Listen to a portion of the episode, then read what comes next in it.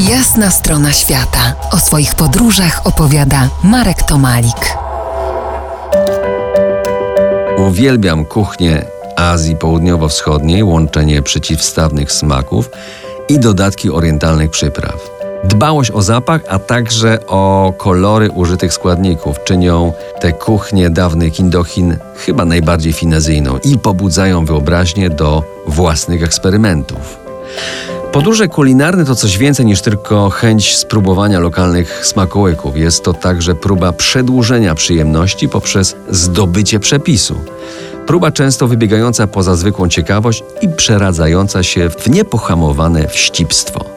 No bo jak nazwać faceta z aparatem fotograficznym w ręce, który notorycznie wprasza się do kuchni lokalnych restauracji, myszkuje, podpytuje, ba, nawet chce nieudolnie pomagać przy przyrządzaniu potraw.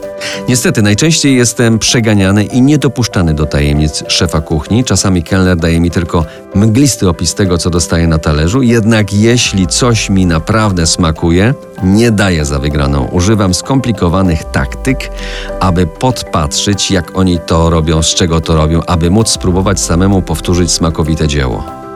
Wszystkie potrawy przyrządzane są pod chmurką, w bardzo prymitywnych warunkach i mają niewiele wspólnego z europejskim standardem. W większości miejsc w Azji niemal każdą z kuchni, nie wyłączając restauracji, nawet tych lepszych hoteli, nasz bezwzględny sanepid pozamykałby na cztery spusty. Tutaj to wszystko funkcjonuje bez problemu, potrawy są pyszne, a zatrucia nieczęste. Pierwszy raz spróbowałem lapu Vientiane, stolicy Laosu.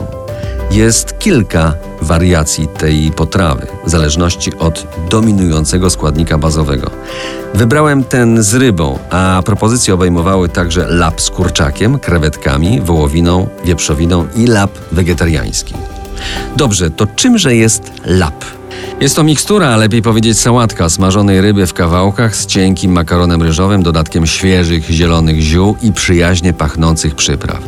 Zadziwiająco ostre niebo w gębie doskonale komponuje się z kolejnymi łykami wybornego laobir. No to smacznego. To była jasna strona świata w RMF Classic.